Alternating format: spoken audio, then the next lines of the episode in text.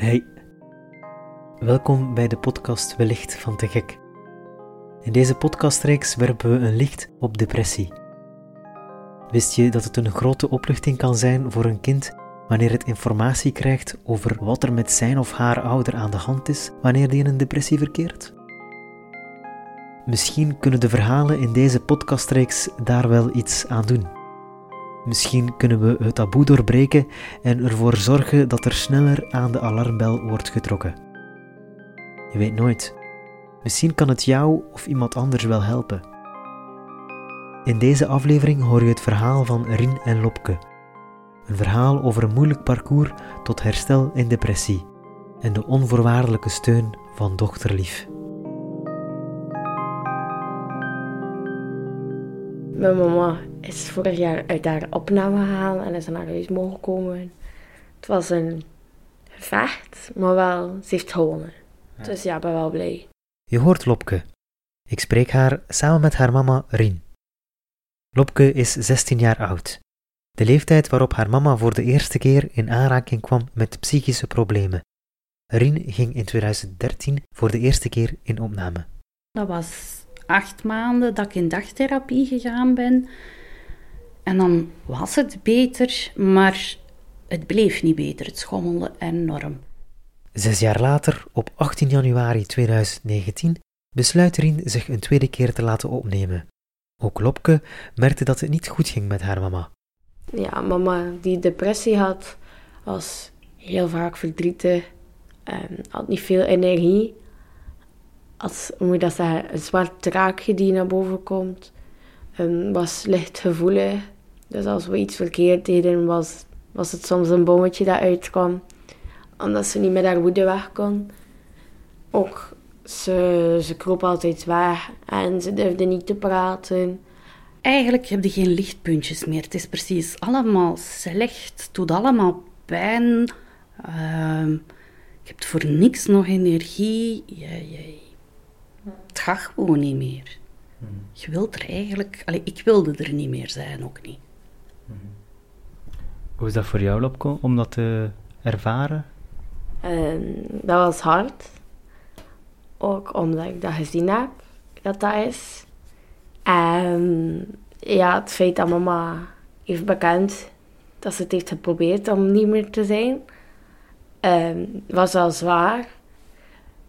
Het moment dat ik haar gezien heb in de zetel, dat ik heb gezegd van, ja mama, je mag dat niet doen.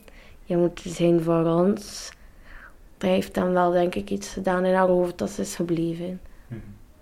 In 2019 ja, is de klik gekomen omdat ze inderdaad gezegd heeft van mama, uh, jij moet echt wel vechten voor ons. En ik besefte dat ook wel, maar ik zag geen uitweg. En dan heeft uiteindelijk de psycholoog, waar dat ik wel in gesprek, alleen met gesprekken had, dus ik had wel altijd een psycholoog, heeft die in mijn plaats eigenlijk gebeld voor een opname te regelen. En dan heb ik ja, gestart met een gesprekstherapie en moest ik mijn levensverhaal uitschrijven. Heb ik ook danstherapie gehad, uh, non-verbale therapie met tekenen en schilderen. En een aantal dingen voelde ik mij goed bij, maar bijvoorbeeld die creatieve therapie, dat, was, dat lukte niet. Dus dan heb ik dan aan een tijd ook laten gaan en gekozen voor iets anders. Maar die mogelijkheid was er wel. En het fijne aan die afdeling was dat het mijn verhaal was. Het was niet zij die alles overnamen op die afdeling, het was mijn verhaal. En ik mocht echt wel aangeven wat werkte en wat niet werkte. Rien ging in volledige opname en sliep dus ook in het ziekenhuis. Lopke probeerde zoveel mogelijk langs te gaan, maar dat was niet altijd even gemakkelijk. Ja, dat was moeilijk. Dat was heel moeilijk. Vooral toen dat ze opeens in een ik weet niet, dat in een soort quarantaine of zo zat. En uh, in een huis waar we niet binnen mochten. En dat was lekker klooster en dat was echt niet fijn. Ja, dat was eigenlijk amper een contactmogelijkheid. Dat was, ja, één voor mijn veiligheid en twee voor, voor rust. Maar ik heb wel heel wat dingen gemist. Ik herinner mij de eerste keer dat Lopke gesteld geworden is, was tijdens mijn opname. En ik vond dat als mama super belangrijk om daar eigenlijk bij te zijn en haar te steunen, want het is echt wel iets raar dat met je lijf gebeurt. En ik was er niet. En ik voelde mij zo falen als mama, dat ze eigenlijk ja, de verpleging gezegd heeft van je faalt niet, want je bent hier aan het vechten voor hen. Maar dat waren momenten dat ik echt wel het miste om bij mijn gezin te zijn. En toen maakten we kennis met corona. 2020 zette onze wereld op zijn kop. Ook voor Rien was dat een hele beproeving. Op het moment dat heel het land in lockdown ging, ik was toen in dagopname, mochten de patiënten in dagopname niet meer naar het ziekenhuis komen. Dus wij kregen ene keer per dag een kort telefoontje van hoe gaat het? Eén keer om de 14 dagen belde de psychiater of psycholoog om te vragen hoe dat het ging. En verder stonden we er weer alleen voor en hadden we ook amper mogelijkheid tot sociaal contact, terwijl dat in een opnamesetting heb je normaal heel veel mensen rond jou, medepatiënten, verpleegkundigen, psychologen, therapeuten. Als je wilde praten op een moment dat nodig was, dan vond je wel iemand. En nu zat ik thuis knettergek te worden. En ik heb dan effectief wel op een gegeven moment de vraag gesteld van hoe dat ze stonden tegen over euthanasie omwille van ondraaglijke pijn. En ze hebben dan daar heel respectvol op gereageerd van kijk, we begrijpen jouw vraag, we zijn daar geen voorstander van, maar we gaan jou ook niet tegenhouden. En het feit dat ik dat een stuk als mogelijke vluchtweg had, heeft mij opnieuw die regie gegeven van ik kan weer verder en ik heb eigenlijk de aanvraag zelf nooit gedaan.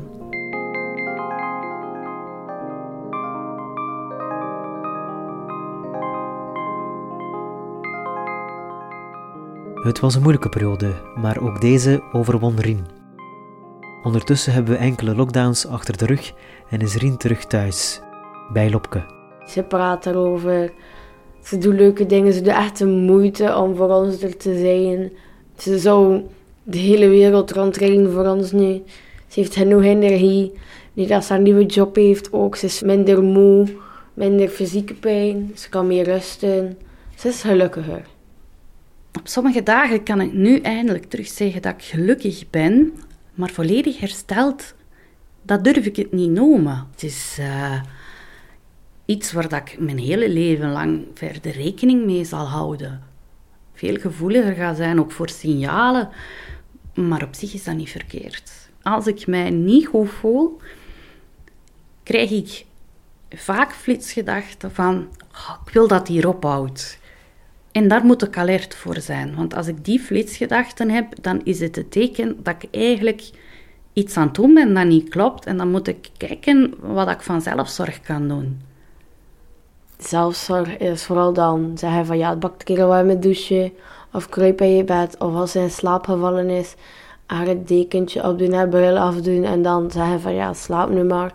De tv achter zetten, nou, dat wij ook stil zijn en ons eigen bezighouden. Of samen een uitstap doen en het gaat even niet meer zeggen van ja, kom, gaan even zitten, iets drinken en zorgen dat mama terug mee kan. Ik kan ontspannen, we gaan een keer samen naar het park of Kom maar een keer buiten zitten, samen ijsje eten. Van die kleine dingetjes die haar gelukkig maken.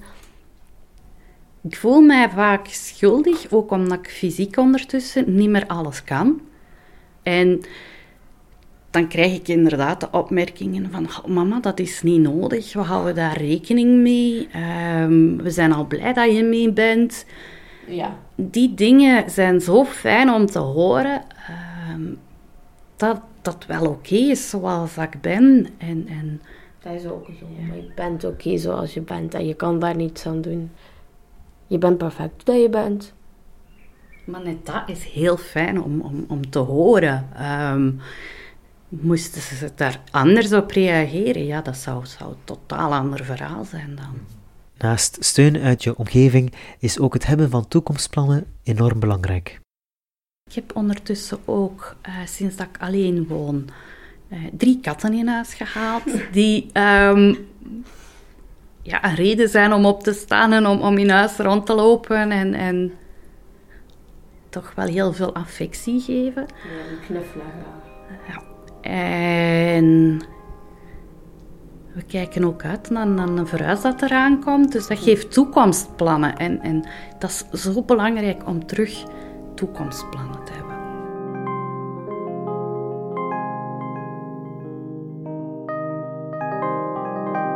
Je luisterde naar het verhaal van Rien en Lopke. Voor Rien was haar moederschap een motivator om geen suïcide te plegen. Andere ouders in dezelfde situatie kunnen denken dat ze hun kinderen juist maar beter niet tot last zijn en kiezen wel voor suïcide. Het is belangrijk om suïcidaal gedrag steeds te zien binnen de ziekte, binnen de depressie, want het heeft niets te maken met of je als kind wel goed genoeg je best deed. Heb je na het luisteren van dit verhaal nood aan een gesprek? Je kan terecht bij teleonthaal op het nummer 106 en bij de zelfmoordlijn op 1813. Mijn naam is Matthias Cornelli en ik maakte deze podcast samen met Esther Kolen in opdracht van Te Gek. Bedankt Rin en Lopke, bedankt ook Axel voor de muziek en bedankt aan alle mensen die mij gesteund hebben bij het maken van deze podcastreeks. Graag tot de volgende keer.